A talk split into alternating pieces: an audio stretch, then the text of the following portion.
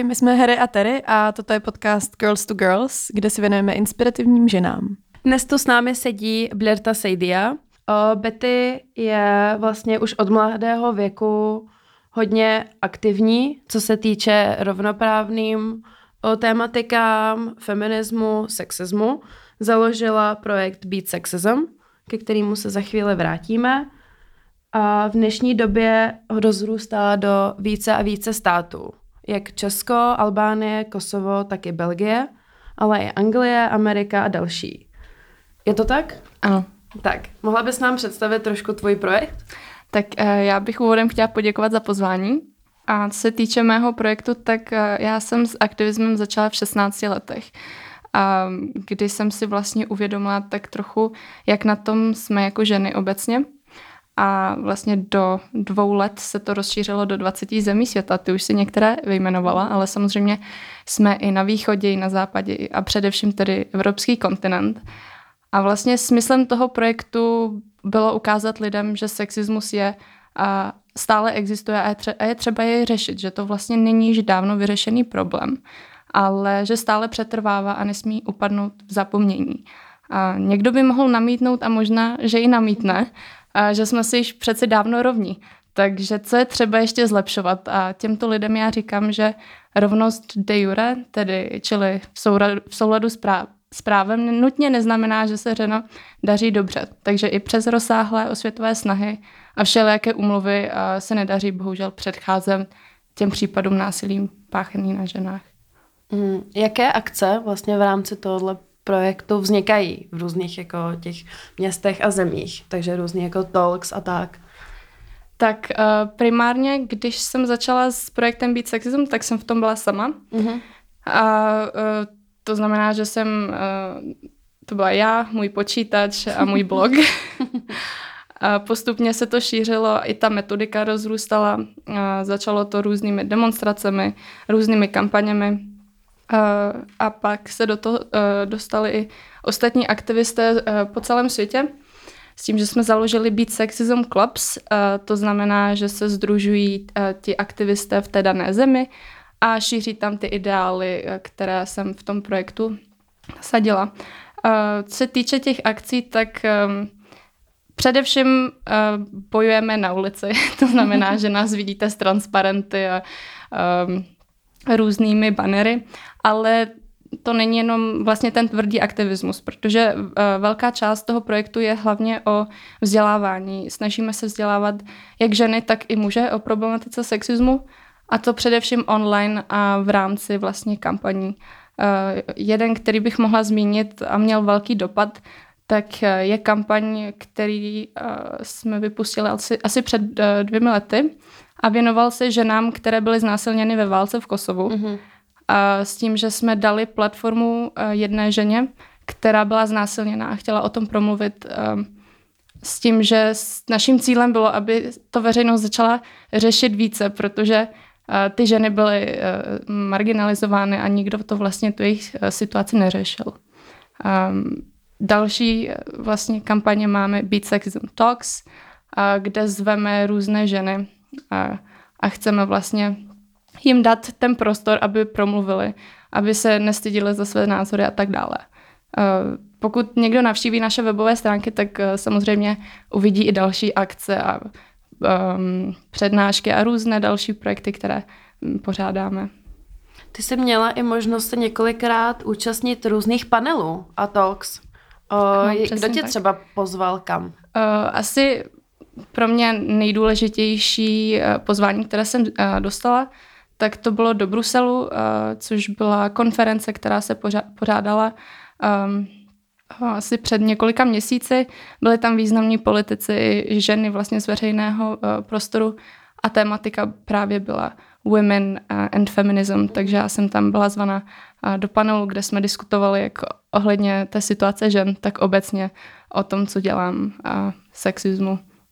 Eh, já bych měla otázku, jaký je to pro tebe všechno vnímat od útlýho věku, respektive jsi vystavovaná takovým tématům, který nejsou úplně jako jednoduchý za A si teda přiznat a za B už nějak uh, zpracovat.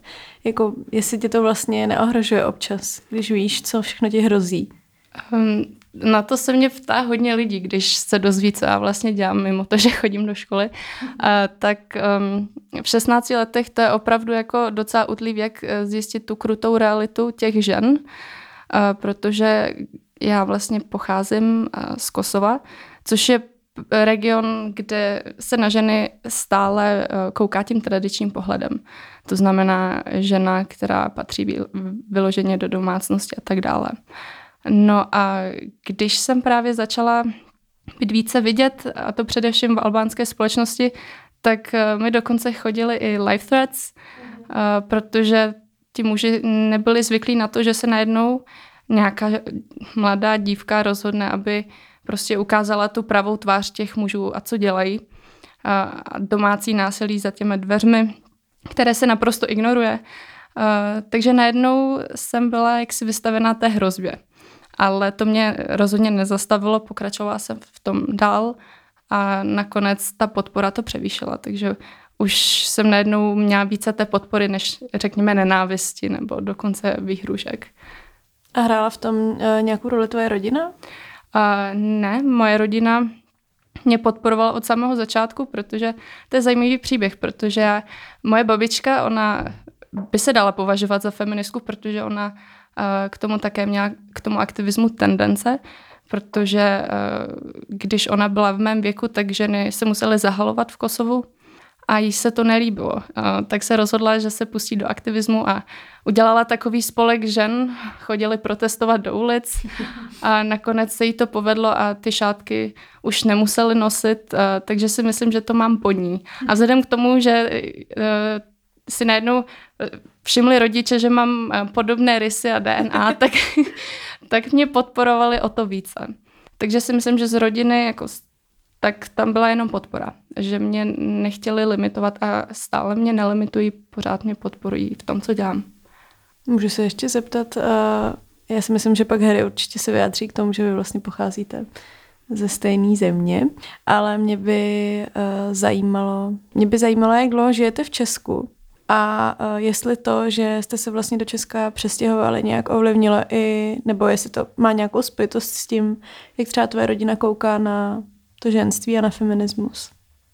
Já bych asi jenom podotkla, že jsem se narodila uh, v České republice, takže už jsem tady uh, vyrůstala. Ale samozřejmě moje rodina měla jiný pohled a když přijela do Čech, tak samozřejmě asi dovolím si říct, že prožívala nějaký kulturní šok, protože přeci jen...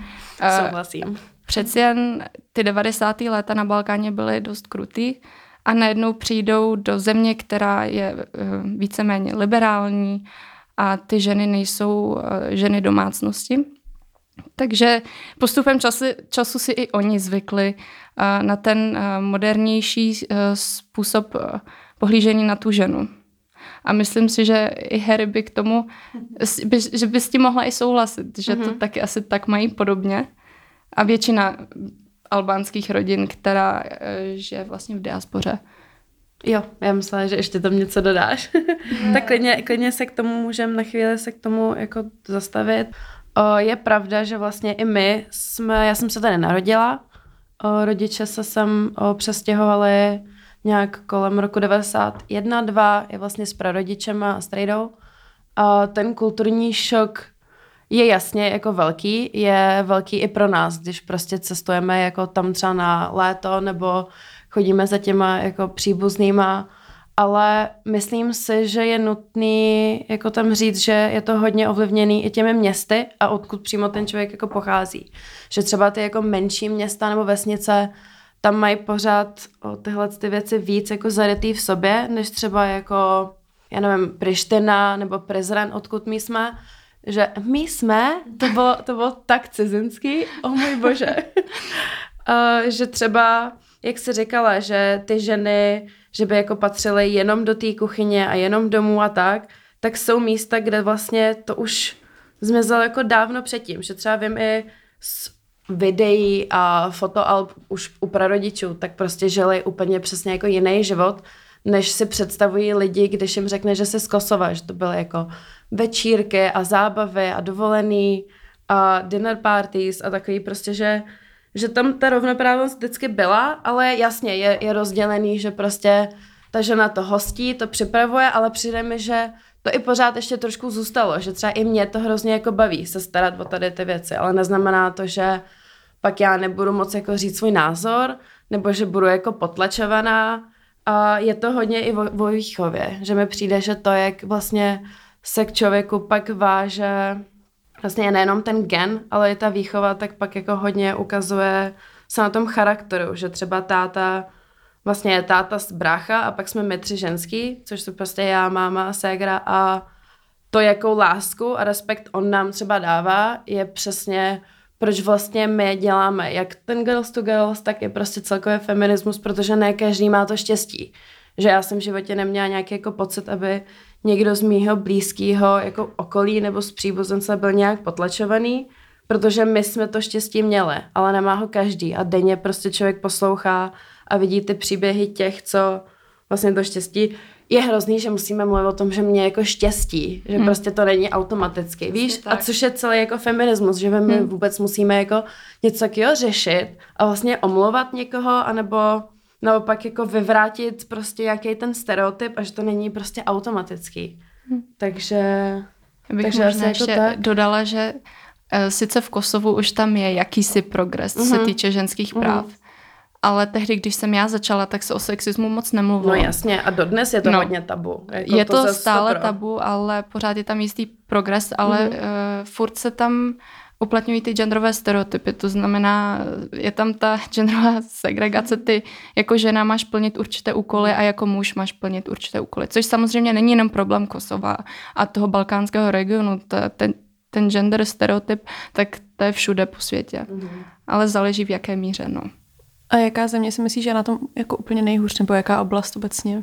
No tak určitě to budou ty země na jihu. Mm-hmm. Pokud se budeme bavit, tak určitě Afrika a mm-hmm. východ. Eh, sama to vidím, když porovnám ty kluby, protože my jsme i eh, v Nepálu a Indii, tak oni, ty ženy mají i sami ty feministky, oni mají úplně jinou percepci, co to feminismus je od toho našeho západního přesvědčení, co feminismus je. Takže až jako dalo by se říci, že tady máme několik feminismů a, a musíme, každá společnost to vykládá trochu jinak. Mm-hmm. Pro každého znamená feminismus, feminismus něco jiného. Hlavně každý se prožil něco jiného a jsou věci, u kterých jim ani vlastně nedochází, že vlastně jsou jako OK, že prostě se řeknou, tohle tam spadá a diví se tomu, což prostě hlavně mm. se jako ví díky tomu, že prostě vy máte i jako ten spolek i třeba jako v Sudánu a tak. Ano. Takže ty rozdíly tam jsou jako velký. Uh, my, já mám ještě otázku, jestli si nemyslíš, že kdyby vlastně v tady těch zemích panoval nějaký jako větší feminismus, jestli by to nějak neobralo tu kulturu. Nebo jestli už to, že mají třeba nějaký kulturní hodnoty už, jestli by s tím pak vlastně nenarušila. To, to slychávám velmi často, že uh, tyhle země, kde tam hraje velkou roli ten fundamentální, to, to fundamentální náboženství a kultura, a že proto vlastně ten feminismus odmítají, ale my si musíme uvědomit, že my jako lidé tvoříme tu kulturu, takže pokud eh, z té kultury vylučeme ženy, tak tady je asi nějaká chyba a měli bychom eh, je do té kultury jaksi také zapojit. Mm-hmm. A rozhodně já se tedy domnívám, že vlastně to náboženství by nemělo být a boundary, Eh, proto, aby žena žila svobodně. Dokonce existuje i interpretace náboženská feminismu, což je velmi zajímavé eh, studovat. Eh, takže pokud by to někoho zajímalo z posluchačů, tak určitě doporučuji se na to podívat, protože to je strašně zajímavý. Já jsem moc ráda, že jsi to řekla, protože já jsem nad tady tím tématem začala přemýšlet, mm. až když Mária Grácia, která navrhuje Prodor, momentálně vydala tričko, což je jako úplná kravina, ale měla tam nápis I have there been no great women artists yet. Mm. A je to strašně pravdivý, že jako, já jsem se tě proto na to chtěla, že mě zajímal tvůj názor, jestli jako to přesně vnímáš jako část kultury, nebo jenom to, že je to prostě špatně vnímaný, jako obecně. Děkujem za příspěvek. Pojďme se klidně ještě na chvíli vrátit k tomu feminismu jako takovému, protože pořád je to braný jako zprostý slovo vlastně. Přesně tak hodně... a především v české společnosti. Jo, k tomu se klidně můžeš dál vyjádřit. No, velmi ráda, protože já, když jsem začala, tak paradoxně s tím projektem jsem působila v cizině a ne v České republice už jenom kvůli tomu, jak, jak negativní konotaci uh, ta ideologie měla. A ten fenomen feminismu v české společnosti je velmi zajímavé sledovat už jen um, kvůli tomu, že, že je vykládán jako boj proti mužům, což je trochu zcestné. A, a my feministky jsme často jako označovány za ženy, které nesnáší muže a tak dále a jsme téměř jako v extremistickém hnutí. Což a, není pravda. Přesně tak. um, a už jako samotná ta Eh, ten názor, že zastánce feminismu rovná se žena, je jako chybná interpretace, protože mezi zastánce jsou i muži mm-hmm. a ne, že jich teda je, je, je jich teda hodně. Um, no a myslím si, že abychom pochopili, proč v české společnosti uh, ten feminismus má tak negativní konotaci a interpretaci, tak je důležité se podívat na ty kořeny toho postoje, protože všechno má svůj důvod. A v české společnosti totiž nepanoval zvláštní zájem o projevy feminismu, když v západním světě ten feminismus byl na vzestupu, tak v, Čes, uh, v České republice prostě kolovala celá řada mýtů. A dodnes tomu tak je. Třeba když byla kampaň mýtu, tak tady se to naprosto jako přehlídlo a pokud mm. se o mhm. tom někdo zmínil, tak v negativním slova mm. smyslu. A tehdy teda důvodem bylo mimo jiné uh, to, že šlo zároveň o teorii a politické hnutí. Mm-hmm. A to znamená, že feminismus byl vnímán jako další ismus, tedy ideologie, a navíc levicová. A na tu tehdejší česká společnost byla velmi alergická vzhledem k historickým zkušenostem. Ale myslím si, že v České republice by si všichni měli uvědomit, že vlastně feminismus eh, není zprosté slovo a že jej do tuzemska nezavlekly bláznivé američanky, což je názor, který byl opravdu legitimní v tehdejší mm-hmm. společnosti. Samozřejmě to není pravda, feminismus v českém prostředí má silné kořeny, jen je třeba hledat. A, a, takže to není ani nadávka, ani přežitek. Takhle v kostce feminismus a Česká republika. Já se ještě vrátím k tomu mýtu, protože to jsem si tě taky chtěla zeptat, jestli uh, asi nejenom v Česku, ale v nějaký obecní rovině to nevnímáš, Spíš tak, že to ve finále mělo jako opačný účel. Že to těm lidem jako tak um, spíš vzdálilo feminismus. Mně to tak třeba v Česku minimálně mi to přišlo už jenom kvůli tomu, jak se k tomu třeba stavili média. Že o tom, nebo nečetla jsem o tom asi ani jeden jako nějaký článek, který by mi přišel, že by byl pozitivní. To je pravda, no. Uh, kampaň MeToo se v České republice úplně špatně interpretovala, protože uh, ten význam té kampaně je opravdu uh, chválichodný a díky tomu spoustu žen našlo to, jak si tu sílu promluvit o tom, co se jim dělo a měli jakýsi pocit sounáležitosti, co si myslím, že v rámci ženě je strašně důležitý, že pokud jedna žena vystoupí a řekne svůj příběh, tak následují další, takový domino efekt. No a tady to vlastně selhalo v České republice, protože tady je obecně problém v tom, jak feminismus je chápán, takže to automaticky bylo bráno jako něco negativního, jako že se ženy snaží vlastně ničit kariéru těch mužů a tak mm-hmm. dále.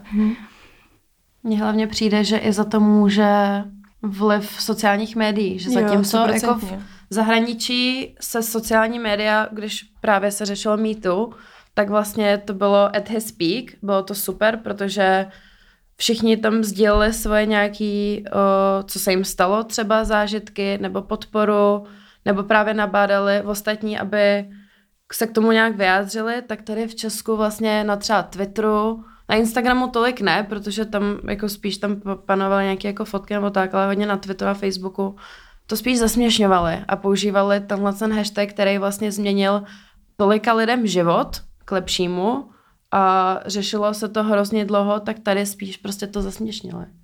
A je, a je zajímavé, že vlastně většina českých žen a se pruce ohradí, že nejsou ani nikdy nebudou feministky. Už jenom kvůli tomu, že ta nálepka feministka je tady prostě brána jako negativní věc.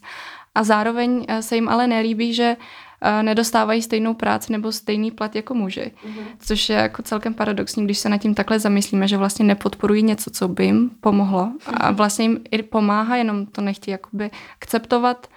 A především teda ženy, které jsou aktivní a úspěšné ve veřejném životě, tak jak o život zdůrazňují, že v žádném případě nejsou feministky, ale málo která z nich vlastně ví nebo má nějakou blížší představu o feminismu.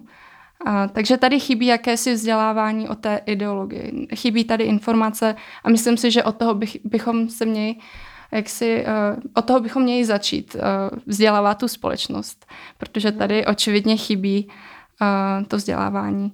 No a málo kdo z těch, kdo o feministkách a feministech uh, hovoří tak pejorativně, nějakou feministku či feministu zná. Takže tvoří vlastně uh, ten takovou špatnou nálepku, kterou dále šíří.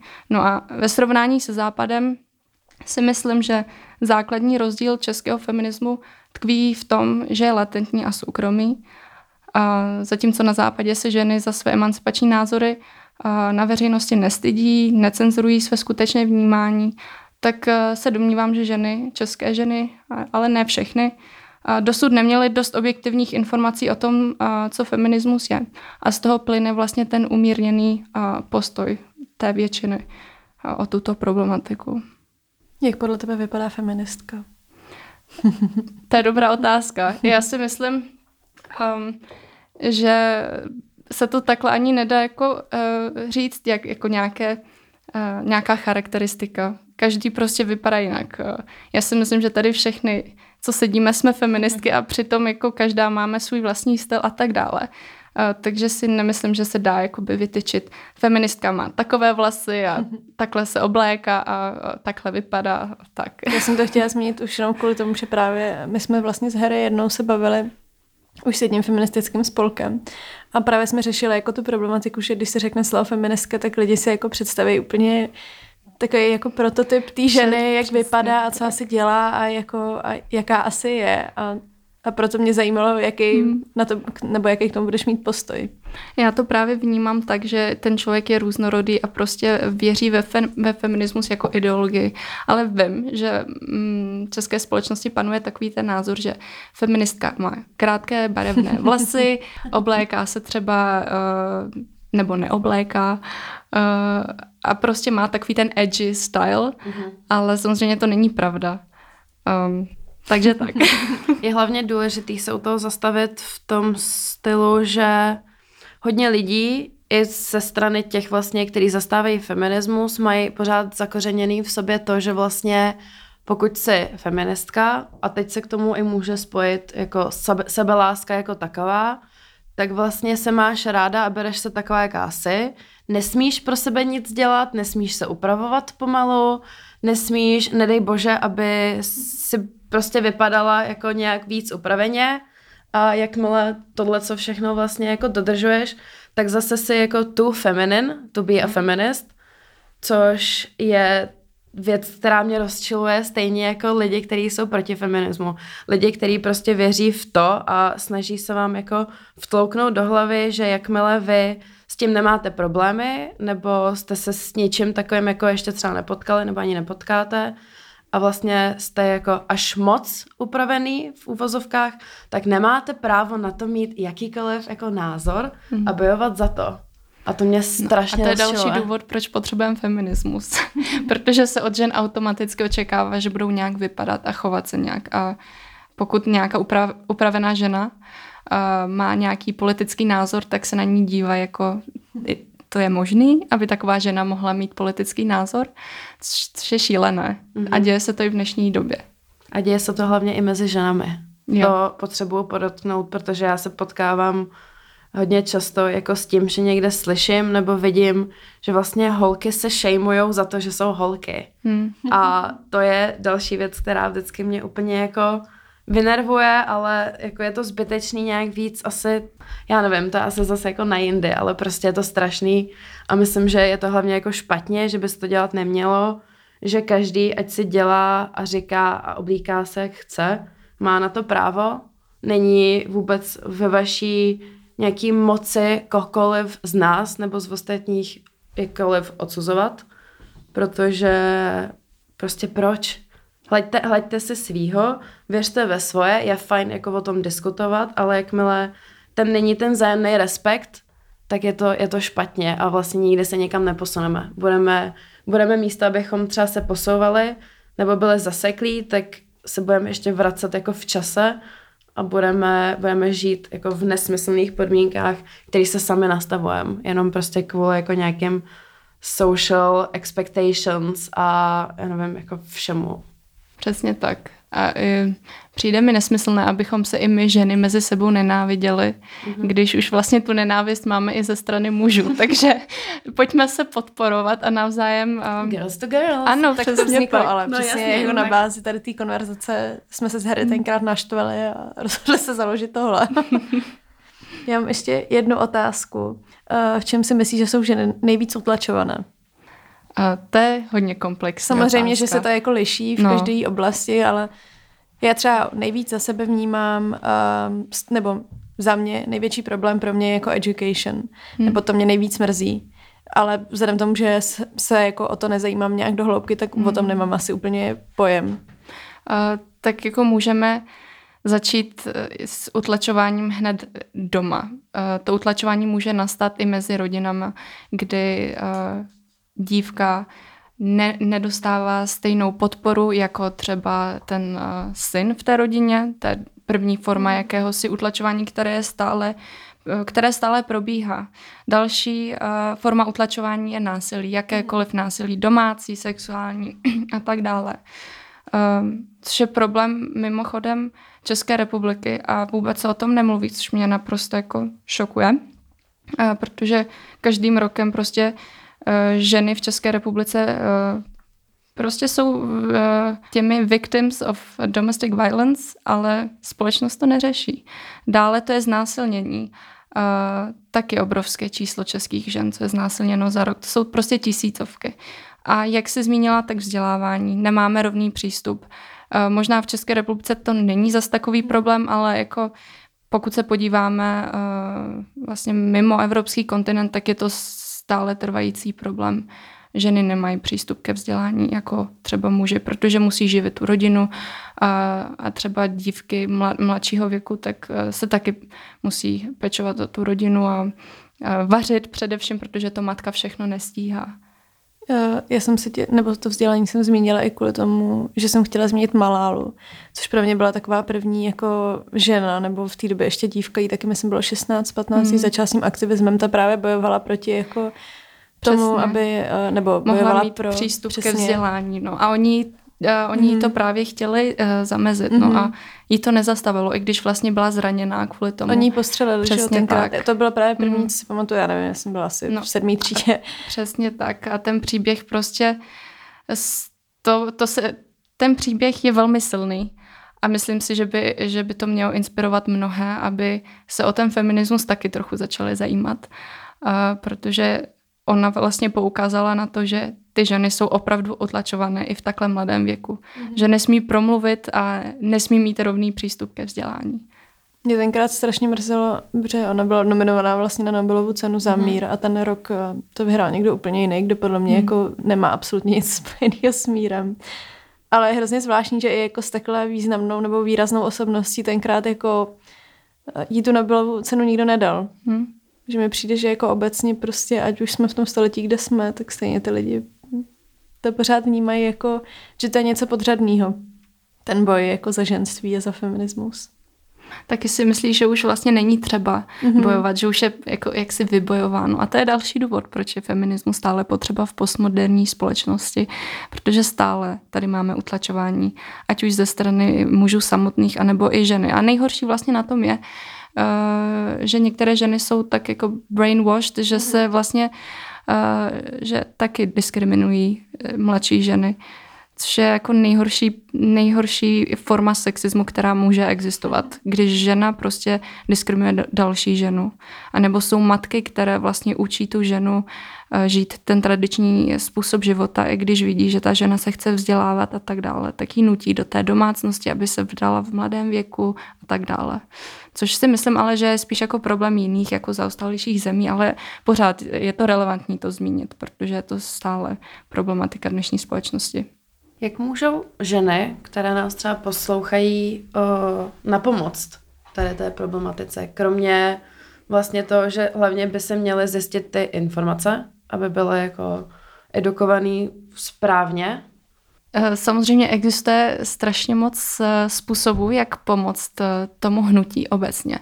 A buď se teda vydáte na, ten, na tu cestu tvrdého aktivismu jako já, budete prost, protestovat a demonstrovat na ulicích a prostě chodit všude a mluvit o tom všude a být vidět, anebo jenom tím, že nebudete pasivními pozorovateli, tak tím strašně pomáháte. To znamená, že si o tom zjistíte nějaké informace, že budete podporovat organizace, které se tím aktivně zabývají, protože neziskovky, které se zabývají feminismem nebo uh, řekněme rovnoprávností, je jich spousta a potřebují podporu, ať už teda finanční, anebo prostě morální podporu. To je strašně důležité pro všechny ty neziskovky, včetně teda té mé.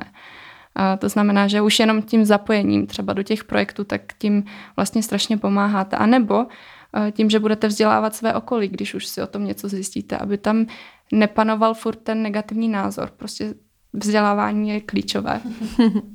Eh, když se bavíme o tom vzdělávání, tak eh, v rámci vašich kampaní, ty už si nějaký zmiňovala, máte třeba nějaké vzdělávání různých škol? Jako dostali jste se k tomu? Jakože chodíme po školách. Mm-hmm. A jo, to jsme dělali především v Kosovu. Mm-hmm. A, že, protože tam především ta venkovská část, ta vůbec nemá nějaká, nějaké informace o feminismu a o ženských právech. Takže jsme si řekli, že by bylo super ty ženy vzdělávat, ty dívky mladé především. No a plánujeme udělat, eh, protože se osvědčilo, že to funguje, protože se tím začali najednou zabývat. A myslím si, že právě bychom měli Eh, ten primární fokus dát eh, na tu mládež, protože oni budou budoucí generace. A oni budou vytvářet, jak ta společnost bude nadále fungovat. Takže bychom měli začít tím vzděláváním u těch nejmladších. A to jsme si udělali jako cíl pro rok 2020, kromě jiných plánů, které máme. Jaké ještě třeba plány bys nám mohla prozradit? Jasně. V současnosti um, pracuji na dokumentárním filmu, které Eh, chceme udělat právě na tu tématiku znásilněných žen v 90. letech, protože o tom mezinárodní společenství moc eh, nechce mluvit. Eh, takže to je jeden asi největší projekt, který Beat Sexism chystá. A kromě toho se chce ještě zaměřit na Českou republiku, protože jsem zjistila, že to je stále potřeba i tady v Čechách a plánuju kampaně, mediální kampaně, které chci příštím rokem už započít. Na což vlastně můžeme navázat, že my tě budeme podporovat a v rámci našich workshopů, který jsme různě jako měli za sebou a talks, tak vlastně můžeme prozradit, že nejenom jeden nás čeká společný, takže to se po novém roce všichni jako pak časem dozví a bude to super, na to se hrozně těším. Že takhle vlastně spojíme prostě nějaký dva projekty, které za mě mají smysl, který vlastně mají nějaký vliv na aspoň pár lidí a, a tak a bude to fajn. Já mám ještě jednu otázku. Já jsem postřehla takovou kampaň, eh, nebo kampaň vlastně v DVTV byl rozhovor s paní, která eh, povídala o tom, že její matka jí prodala pedofilům. Nejednalo se teda o žádný evropský kontinent, ale o USA. Pokud si to správně pamatuju, tak um, jestli máš nějaký info i k tady tomu tématu. Samozřejmě Eh, je to fenomén, který není příliš známý a eh, bohužel se o něm nemluví, když by mělo. Eh, stává se velmi často, dokonce se to děje v Čechách, že matka zaprodá svou dceru a ta žena nebo ta dívka mladá poputuje třeba do Ukrajiny, nebo většinou teda ty dívky putují do Velké Británie, kde vlastně jsou nuceny do prostituce. A ta matka vlastně zaprodá svou dceru jenom kvůli tomu, že je ve finanční krizi. Což je velmi smutné a děje se to běžně, bohužel. Jo, mě, já jsem to chtěla zmínit, protože já jsem o tom třeba vůbec nevěděla. Ani by mě to mnozí, mnozí to no. nevědí, no. A hlavně je to problematika, která já se bojím, že prostě tady bude vždycky. Hmm. Že není, přijde mi, že je mimo jako lidské síly to jakkoliv zastavit, protože i kdyby se to omezilo a mluvilo se o tom, a začalo se to více jako trestně hlavně stíhat, tak mi přijde, že pořád některý ty lidi najdou ty jako úkou, zákoutí, jak se k tomu prostě dostat a jak to stejně jako dál dělat. Já mám ještě jednu otázku, když už jsme se dostali k té prostituci, tak docela velká otázka pro mě posledních let je, jestli by měla být prostituce legální. A co si o tom myslíš ty? Plus ještě možná zmínit, že třeba mě, nebo já to vnímám tak, že do té prostituce spousta žen dostane takovým jako omylem nebo přesně jako finanční krizí, že vlastně už není kudy kam. Myslíš si, že by to mělo být legální a jak se na to koukáš, Berš? Já jsem na to, eh, já jsem si kdysi koukala na dokument, který se zabýval právě touto tematikou a dospěla jsem k názoru, že vlastně kdyby se prostituce zlegalizovala, tak by to bylo pro ty ženy bezpečnější, protože mnoha těch prostitutek díky tomu, že to není legální, tak je s nimi zacházeno opravdu velmi špatně a mnohdy je i dokonce zabíjí. A, takže tím, že by se to zlegalizovalo, tak by mohli mít přístup a, k, těm doktorům, které by je kontrolovali a nebylo by tak běžné, aby se dostali i do toho násilí z té strany mužské.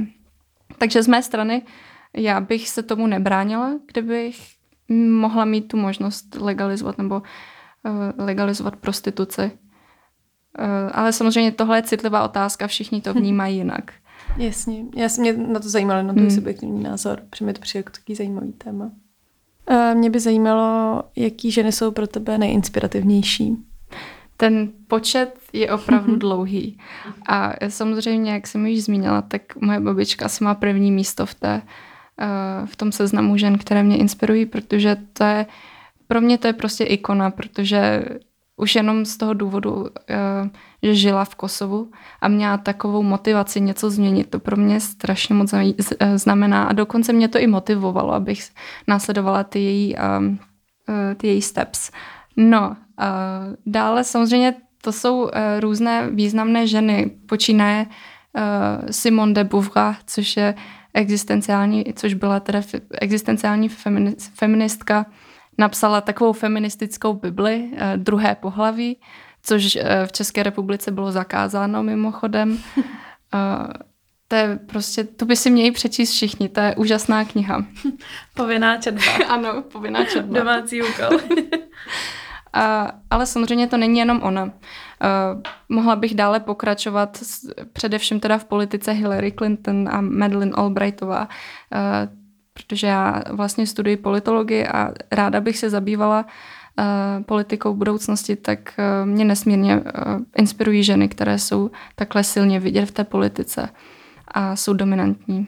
Mně ještě přijde jako super a je mi hrozně blízký a sympatický, když musíme navázat na to Kosovo, když uh, vlastně třeba zpěvačky nebo různé umělkyně show businessu a tak, uh, které žijí, ale proslavily se v zahraničí, což třeba může být uh, Dua Lipa, Rita Ora nebo Bebe Reja, která teda si říká BB Rexa, protože je to těžký jako vyslovat anglicky. To známe. Naše známe. albánské jména. A tak vlastně je super, že tyhle ty vlastně tři prostě ženy které se proslavily v zahraničí, ať už Anglie nebo Amerika, tak se hlásí publicly vlastně k jejich jako hmm. backgroundu a když se něco děje, tak proto jako dělají maximum, že třeba teď jak byly o, bylo zemětřesení v Albánii, tak o, vím, že Bibi Reja tam jela na nějaký dva, tři dny, postavili tam pár jako bytů, mm-hmm. domů, nebo vlastně k tomu jako napomohli. Dua Lipa vytáhla kolaboraci s jednou značkou z New Yorku, vlastně trička. A Rita je taky jako hodně taková aktivní. A kromě toho a kromě jako nějaké rovnoprávnosti je super, že se hlásí i k body positivity. A když třeba, vím, že zrovna třeba Bibi Reja tenkrát měla nějaký jako potřeba se oblíknout na Grammys nebo někam a jeden prostě návrháří řekl, že I'm not gonna dress your body type, tak to mm-hmm. vytáhla ven dala všem vědět, že prostě něco takového se děje a přitom to je prostě ženská velikosti 38. Hmm. Ale mluvíme o Americe, kde jsou všichni jako zero size. Zero. zero. a je prostě jako šílený, že i něco takového se musí, musí hlásat a musí proti tomu bojovat, protože hmm. to je taky strašný. No a to se spát, zpět dostáváme k té otázce, otázce utlačování, takže mm. i tady vlastně vidíme i v tak jako postmoderní společnosti, jako je v USA, že mm. ženy jsou pořád utlačovány třeba ať i tím, jsou, jak vypadají. Přesně, ať jsou známí nebo ne, no. vlastně, no. že jejich jako peníze na kontě vlastně tuhle, tuhle problematiku vůbec mm. jako nezmění. Přesně tak. A je třeba o tom mluvit, což jako je super, že zrovna oni, oni tři jsou jako jedné z těch, na který můžeme být pišný, protože je uctívá a uznává a respektuje vlastně celý svět a pochází jako z malé země. Takže je jako je skvělý to mít takhle v té naší stáji. Eh, já už mám jenom takový rapid fire questions. Mm-hmm. A první je, jaká byla tvá první demonstrace? Kterým tématem se zabývala, jaké byly tvé pocity a kolik lidí se zúčastnilo? To je skvělá otázka. A, a strašně ráda uh, na tu demonstraci vzpomínám. Mm-hmm. A to byla, ta se konala uh, roku 2017 v mém, um, teda spíš rodném městě rodičů, Ferizaj v Kosovu. Um, a to byla demonstrace proti institucionální diskriminaci žen.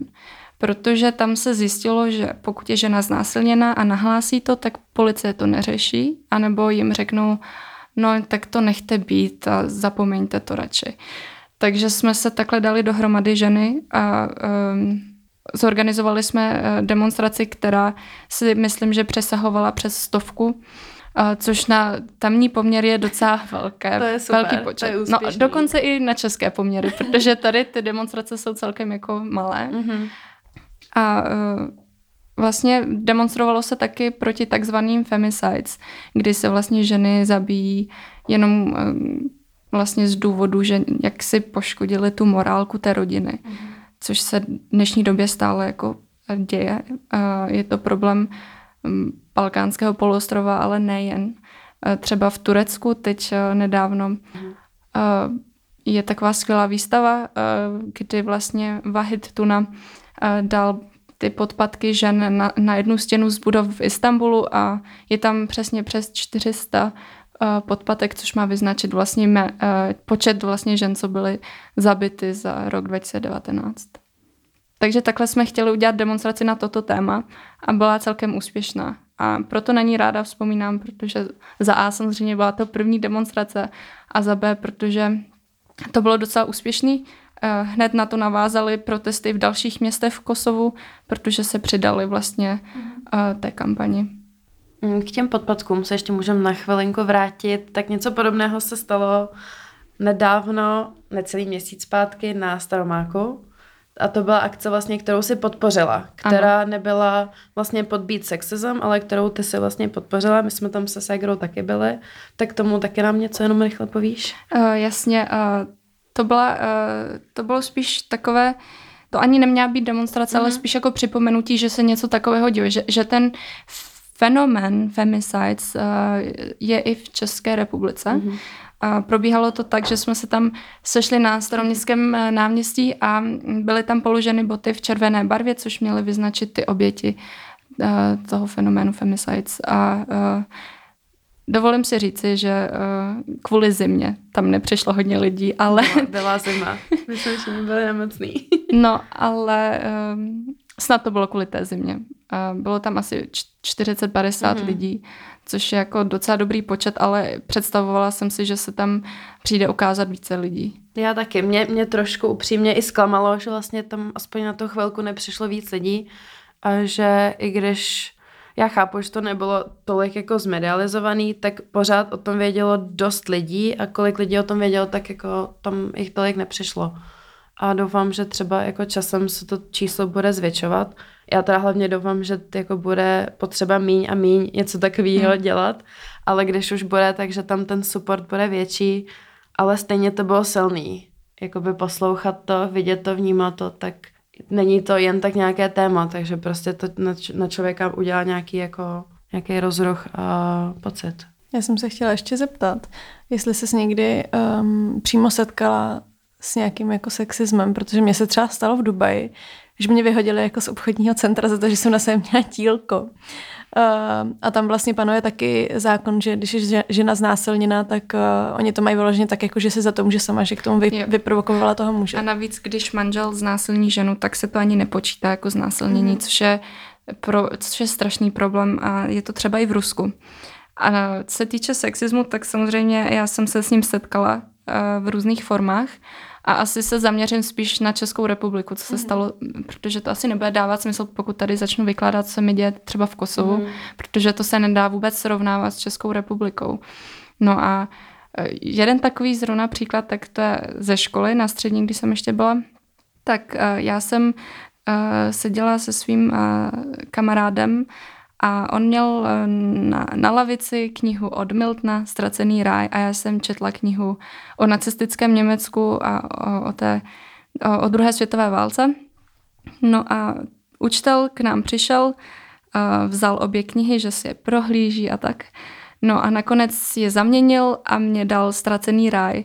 a jemu dal tu knihu o nacistickém Německu. No a můj kamarád ho zastavil, že ty knihy zaměnil, že on nečte tuhle knihu.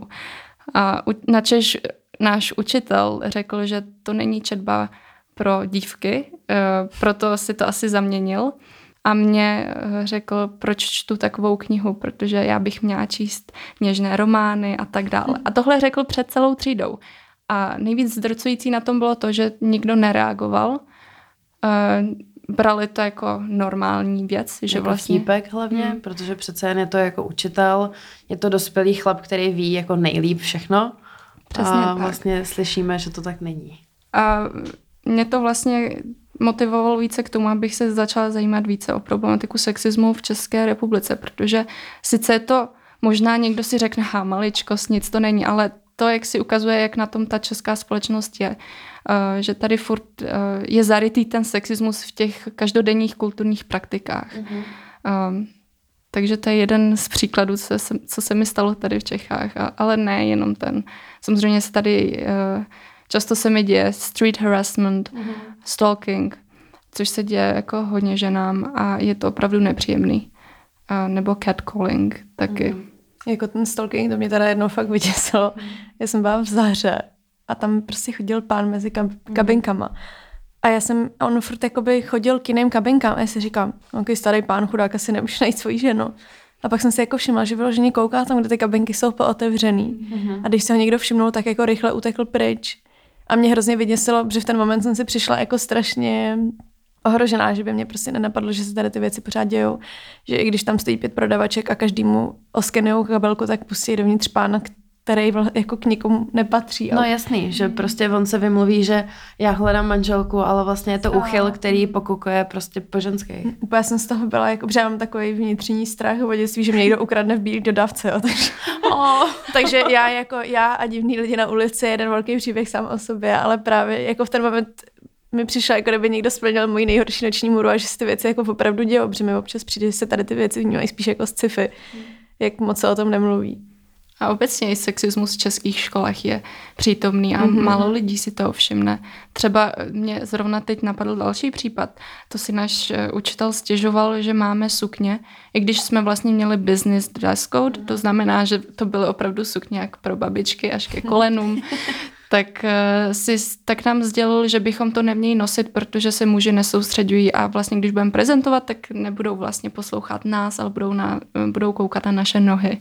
A to řekl. Jako, to, to jsem úplně byla v šoku v tu chvíli a bralo se to jako normální věc. Kdyby tohle někdo řekl třeba ve Skandinávii, tak už letí pryč. Mm-hmm.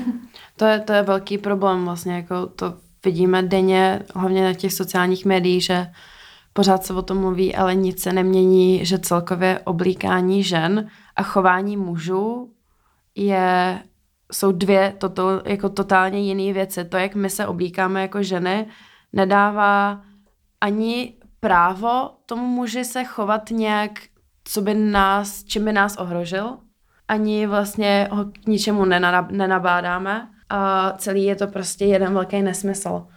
Je to, je to je to hrozně mě to rozčiluje a je to nejhorší, když pak se ozvou takový ty lidi, kteří furt mají v sobě to, že oh, but she asked for it. Jo. Look what she's dressed prostě in. Hmm.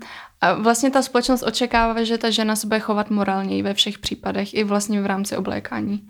A jak jsi zmínila, že uh, she asked for it, tak my jsme vlastně měli v být sexem, protože mimo jiné, tak my poskytujeme právní poradenství, protože si myslíme, že by ženy měly znát svá práva a vlastně můžou se na nás obratit uh, dívky, ženy v jakékoliv situaci, třeba i když jsou znásilněny a my jim vlastně pomůžeme, co a jak, jaké jsou další kroky. No a měli jsme případ, kdy jedna uh, dívka byla neopakovaně opakovaně znásilňována svým spolužákem. No a když uh, ten případ šel až k soudu, díky naší pomoci, tak ten právník si ptal té dívky, jestli vlastně to oblečení nemůže za to, že ho znásilnil ta provokace je asi na tom jako to nejhorší, že prostě lidi si myslí, že holky chodí a jejich jediným úkolem je provokovat chlapy a testovat jejich jako patience, ale tak to není. We're dressing máme, for ourselves. Jako máme jiné věci na práci a hlavně takhle nechci, aby to znělo, že teď jako všichni chlapy tohle dělají. Samozřejmě my mluvíme jenom o těch prostě jako o těch číslech, které jako jsou problematický, ale je to, je to prostě víc a víc vidět a je to strašný. Je jako rok, za chvíli bude rok 2020 a my pořád řešíme to, že vlastně jakmile má jako holka na sobě šaty nebo výstřih nebo cokoliv jako co by bylo trošku vyzývavý, může to být dlouhý rukáv, ale je to třeba úzký nebo jako na tělo, tak je to špatně a nejhorší vlastně na tom je, když tohle řeší holky proti holkám. Hmm. Já jsem se nedávno dozvěděla, někdo mi vlastně poslal, neslyšela jsem to, ale poslal mi vlastně informace o tom, že na nějakým jako podcastu, který je jako dívčí, takže to jsou prostě jako dvě holky, se řešilo to, že holka, když jde na rande do baru, nebo jenom do baru a má výstřih, tak vlastně jako dává jenom jeden jediný signál a to, že vlastně si ji hned může někdo vzít domů a že tak nikoho nenajde přece na celý život. A že vlastně pokud hledáš v baru hlavně jako lásku životní, tak máš mít třeba roláček a jakmile ho nemáš, tak je to špatně a mě vlastně hrozně rozčiluje, že holka se tohle dovolí říct o jiný holce. Mě nejvíc rozčiluje, že je to jeden z nejposlouchanějších českých podcastů prostě. A Já nevím, jak to přesně bylo. A propagují nechci... tam takové názory, které ano. jak si ovlivní dál tu společnost negativním způsobem. Jakoby můj výstřih neznamená, že moje IQ nebo hmm. že můj nějaký jako morální standard nebo jako charakter je o něco nižší než tvůj, pokud máš na sobě jako klučičí mikinu. Já si můžu v pátek vzít jednu věc, sobotu jinou věc, hmm. furt to jsem já, furt to jsem já, která bude nahlas říkat své názory, která se zatím stojí, ať se jako cokoliv, kdokoliv myslí. A jestli u toho budu mít mikinu anebo výstřih, je jenom moje věc.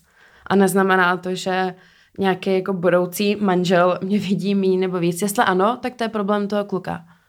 A je to problém toho člověka, ale neznamená to, že já se mám o něco ráda míň nebo víc. Člověk by se měl jako určovat tyhle ty nějaké jako úrovně toho, co dá ven, ať už jako co se týče jako fyzicky, anebo slovy a názory, ale je to vlastně, mě to hrozně rozčilo a chtěla jsem se o tom jenom zmínit takhle, že prostě mi to přijde fakt jako smutný. Co a... si myslím, že ještě se hodně ne, v návaznosti s těmi bary nezmiňuje mezi českými dívkami a ženami je takzvaný drink spiking, kde oh, ti, no, ano. A to je, to je opravdu vážný problém, dokonce se to stalo i mně mm-hmm. a znám i ostatní holky, kterým se to stalo a, a dopadly teda hůře než já. A já jsem naštěstí z toho nějak jako se dostala ven, ale jako co v takovém případě můžeme jako dívky dělat? Mm-hmm. To je strašně... Uh, Možná pro lidi, který neví, to jenom vysvětlit ten pojem. Jo, uh, no tak uh, to je taková situace, kdy vám opravdu do toho pití ten muž něco dá, jo, nějakou omamnou látku. Uh, jak nás že jo, rodiče vždycky varovali, tak ono se to opravdu děje uh, a děje se to pořád v českých barech. Mm.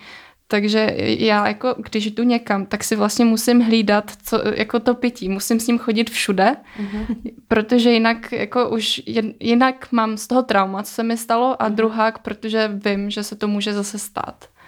A jsou lidi, kteří to nepřežili, který uh-huh. prostě ne každé tělo je na to stavěné, ne každé tělo zvládne, i kdyby omylem jakoukoliv jako látku nebo drogu, ať už psychicky nebo fyzicky a když to člověk ne, nečeká, tak ho to hitne ještě víc. A v sobě má, jako většina lidí má v sobě nějakou jakousi paniku zabudovanou, takže když cítí, že se něco děje, tak podvědomně se to ještě jako víc zhorší a pak prostě se vem, že kvůli jako blbý srandě v uvozovkách nějakýho jako blbečka slušně řečeno, přijde, přijde tak to je, slušný. To je velmi slušný. Poslouchá to máma, takže mě pak bude zase vynadat. A pak jako někdo úplně nevinný přijde o život. Hmm. A ona se to nezasloužila. She didn't ask for it. Tak jako proč se to děje? Co z toho ty lidi mají? Možná uh, so we ended on a positive note.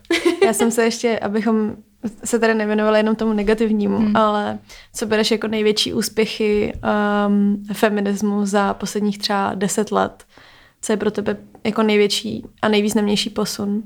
Tak eh, jako v současnosti se pohybujeme, pokud to budu brát jako vlny, tak eh, teď jsme v páté vlně feminismu. Mm. To znamená, že teď současný feminismus se uh, uh, soustředí i na to, uh, že ta žena má jinou barvu pleti, že má nějako, nějaké kulturní background a nejenom, že je to žena. Takzvaný intersectional feminism. Mm. Což si myslím, že je strašně úspěšné hnutí, protože uh, feminismus jako takový už měl rozdíly i mezi tím, že ty si jako žena byla bílá anebo černá. Takže se ty uh, ženy tmavší pleti cítily diskriminovány.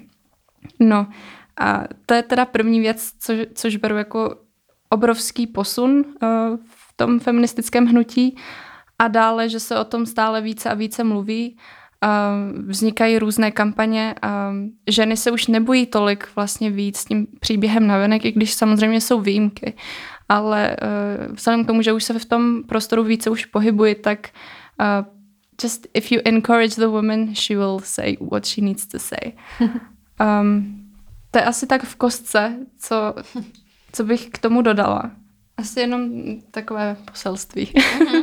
Ať se prostě ty ženy a dívky o tu tématiku více zajímají a pokud uvidí, že uh, nějaká žena je v nesnázích, tak by jí měli pomoct a ne se přidat na tu stranu, která jí kritizuje. Takže zajímat se o tu tématiku, jak nejvíc to jde vzdělávat své okolí a eventuálně uh, být vidět, být slyšet a uh, nebát se promluvit, když je to potřeba. Protože já jsem si prostě všimla, že dívky se do sebe uzavírají a bojí se vlastně promluvit v té společnosti, když je třeba male dominated, hmm. tak uh, určitě se nebát a promluvit na hlas. Ať jste slyšet a ať jste vidět. Ještě na závěr, než se rozloučíme, tak uh, pokud nás poslouchají nějaké Albanian babes, tak se ozvěte prosím na Girls to Girls Instagram, protože vím, že vlastně některé nás sledujete jak jako Girls to Girls, tak Terry, tak je vlastně Betty a i ten profil, tak bych chtěla tam mít uložený jako tady tuhle skupinu lidí kvůli pak budoucím jedným akcím a tak, tak jenom taky jako... Shameless promotion! Little, little, taková seznamka, takže ozvěte se nám. Napište. Na čísle plus 420. Počkej, vytáhnu ještě kosovskou simku. Tak Betty, my ti moc děkujeme za krásný obohacující rozhovor. Děkujeme, že jste nás poslouchali. Doufám, eh, že nás potom nikdo poslouchat nepřestane a bude tomu akorát naopak. a přibydou eh, české feministky. Falemindeire Falemindeire to. A asi se rozloučíme. Ano. Budeme se těšit u dalšího podcastu. A mějte se krásně. Ahoj.